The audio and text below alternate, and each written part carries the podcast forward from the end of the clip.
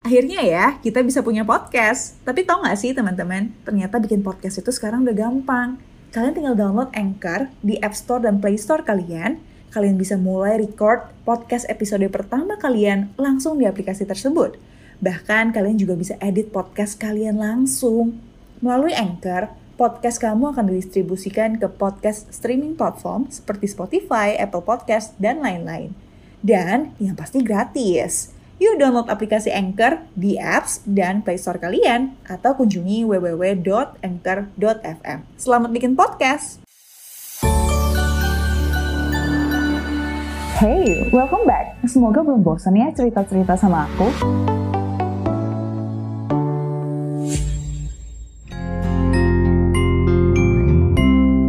Kini Podcast Network aku tertarik tuh karena kan ada janji manisnya mereka yaitu pasti cuan setiap bulannya dan itu udah ada presentase keuntungannya sih tiap bulan. Hai, kabar baik di sini. Semoga di sana juga ya. Kembali lagi ke series cerita uang dan kali ini pasien aku namanya Ikens. Mungkin bagi orang ini sosok yang bernama Indra Kens tuh punya memori dan kontribusi yang sangat besar kali ya di dalam hidupnya. Anyway, ikan sini pernah terjerat di robot trading, salah satu dari top 5 yang sekarang juga sudah ditangkap. Tapi puji Tuhan, ikan sini sudah withdraw dari Desember 2021, jadi kerugiannya nggak separah sekarang dan uangnya ya tetap bisa cair, nggak nyangkut gitu ya. Nah, ikan sini sekarang masih kuliah tahun ketiga dan dia itu uh, menjadi ojol dan thanks to that, dia sekarang punya tabungan lebih dari 3 30 juta. Nah, tapi masalahnya sebentar lagi ikan akan masuk dan harus belajar di kampus. Jadi dia udah nggak bisa nyuri-nyuri lagi nih untuk nyari income tambahan lewat ojol. Jadi langsung aja kita kenalan dengan Ikens. Nama Ikens, usia 20 tahun, profesinya sekarang masih mahasiswa semester 6, domisili di Semarang. Kalau tanggungan sih nggak ada sih karena anak terakhir sih. Terus belum nikah, terus income bulanan. Jadi kan saya di samping kuliah kan juga nyambi jadi ojol gitu kan. So kalau dibilang gaji pokok sih ya nggak pasti sih. Tergantung orderan juga.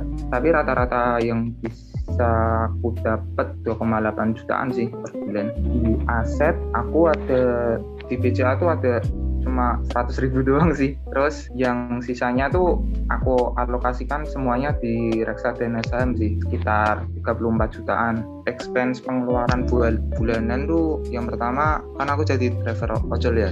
Jadi pertama tuh mesti top up 500 ribu per bulan terus ada juga kuota internet paling 100 ribu sih. Terus servis motor tiap bulan juga paling 100 sampai 150 terus bensin bulanan sih 900 ribuan. Terus pengeluaran lain-lain yang tidak terduga paling kayak beli jajan beli buku mungkin sekitar 100 sampai 200 ribu sih. Terus di tujuan keuangan tuh aku mau ngembangin aset reksadana terus juga pingin ngerasain 100 juta pertama itu yang ketiga dari dulu sih pas dari SMP sih aku udah punya angan-angan punya usaha yaitu bikin ternak ayam gitu sih modalnya paling 100 sampai 200 juta sih mungkin itu ingin ku capai dalam kurun waktu 5 sampai 6 tahun ke depan sih. Nah, setelah kenal, mari kita dengerin masalah keuangannya dia. Aku pas masuk kuliah di tahun 2019 kan bapak saya udah pensiun. Dari situ kan aku kayak kayak cari-cari job gitu sih sana sini buat rasain uang sendiri sih. Dan akhirnya teman ada yang nawarin tuh jadi ojol kayak dia. Terus habis itu aku udah mulai aktif tuh jadi ojol tuh pas semester 3 di tahun 2000 20 sih. Dari situ mulai bantu lah buat patungan sama orang tua buat bayar UKT sih. Tiap semesternya ngisiin 400 ribu sih per bulan buat patungan bayar UKT nya nah dari situ kan aku juga ngerasa buat nambah income bulanan tuh gimana gitu. Nah dari situ kebetulan ada teman juga dia tuh kayak namarin yaitu kayak di dunia forex ya ya itu kan masih booming sekarang ya namanya robot trading itu kan. Singkat cerita aku tertarik tuh karena kan ada janji manisnya mereka yaitu pasti cuan setiap bulannya dan itu udah ada presentase keuntungannya sih tiap bulan. Dan itu pasti tercapai sih. Nah dan aku juga salah satu korban yang yang bisa dibilang juga terselamatkan dananya sebelum kejadian nggak bisa withdraw itu. Aku pun juga rugi beberapa juta sih dari itu. Jadi nggak ngerasain untung tapi ngerasain rugi sih di situ. Ruginya tuh aku dibeli robotnya yang harganya tuh 1,5 sih robotnya per paket. Jadi dan aku juga sama rugi di selisih kurs yang mereka buat yaitu kalau mau withdraw tuh mereka berpaku pada kursnya tuh 13.000 per US dollar. Uang pas aku bisa withdraw itu cuma 26 juta. Aslinya tuh tuh 36 juta sih. Jadi ruginya agak lumayan sih dari situ. Yang berhasil aku itu itu aku masukin semuanya ke reksadana dan aku tambahin. Nah dari sini kan bentar lagi kan bakal sibuk kayak KKN PKL sama skripsian begitu sih di semester 7 nanti. Nah dari situ pemasukanku kan juga bakal berkurang juga nih kak. Buat income bulanan mungkin juga turun atau tidak punya sih mungkin nggak jadi ojol lagi sih karena sibuk banget kan dan aku juga pengen cari solusi sih gimana buat cover patungan kayak servis kayak kuota bulanan gitu sih Akhirnya ya, kita bisa punya podcast. Tapi tau gak sih teman-teman, ternyata bikin podcast itu sekarang udah gampang. Kalian tinggal download Anchor di App Store dan Play Store kalian. Kalian bisa mulai record podcast episode pertama kalian langsung di aplikasi tersebut. Bahkan kalian juga bisa edit podcast kalian langsung. Melalui Anchor, podcast kamu akan didistribusikan ke podcast streaming platform seperti Spotify, Apple Podcast, dan lain-lain.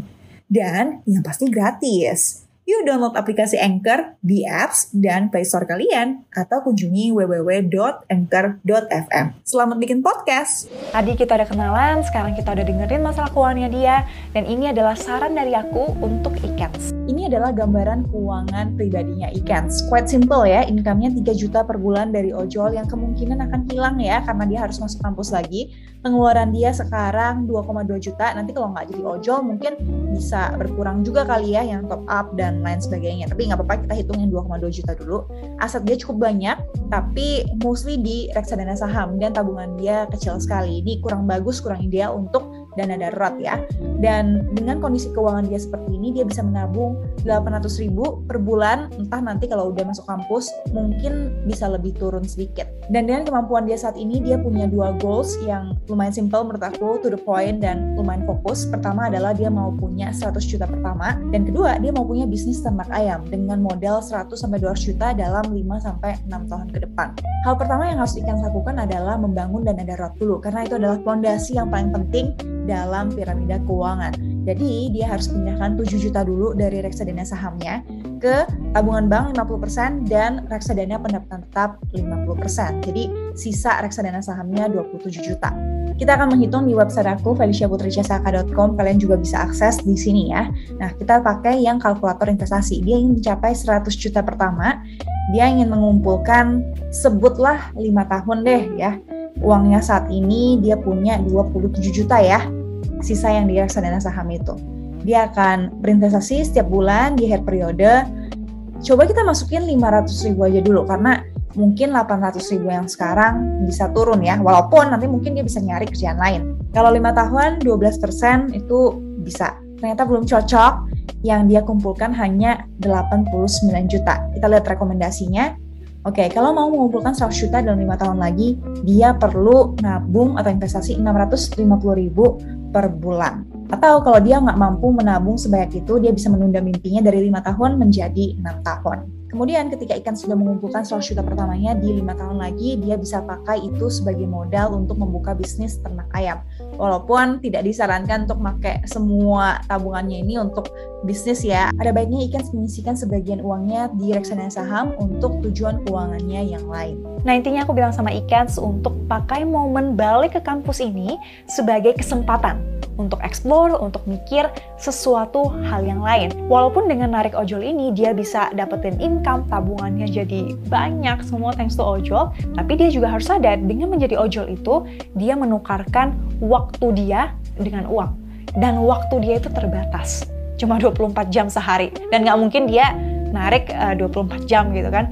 Kalau udah sampai batas maksimal dia bisa bekerja, ya income-nya susah untuk naik lagi. Kecuali tarif ojolnya dinaikin ya sama Gojek atau Grab, which is itu kan sesuatu yang di luar kontrol kita. Jadi selain narik ojol, ada baiknya ikans dan teman-teman di sana yang menukarkan waktu kalian dengan uang untuk berpikir gimana caranya ya untuk punya skill naikin value agar tidak hanya nukarin waktu dengan uang, tapi juga nukarin skill kita. Dia kan kuliah bahasa Inggris ya. Semakin jago, dia bisa naikin rate-nya dia sendiri. Mungkin sebagai ide bagi ikan sih ya selain dia narik ojol, dia juga bisa loh sebenarnya jadi content creator kayak bapak ini yang terkenal banget di TikTok atau dia juga bisa buka warung atau bisnis kecil dari hasil income ojolnya itu. Sekali lagi aku berharap semoga cerita ikan ini menginspirasi bagi teman-teman di mana pun kalian berada dan aku minta maaf kalau ada kata yang salah. Sungguh aku tidak ada maksud untuk menjelekkan profesi tertentu, tapi aku cuma mau ngajak teman-teman kita semua untuk berpikir dan berdiskusi bareng. Sekali lagi, thank you for watching dan see you di episode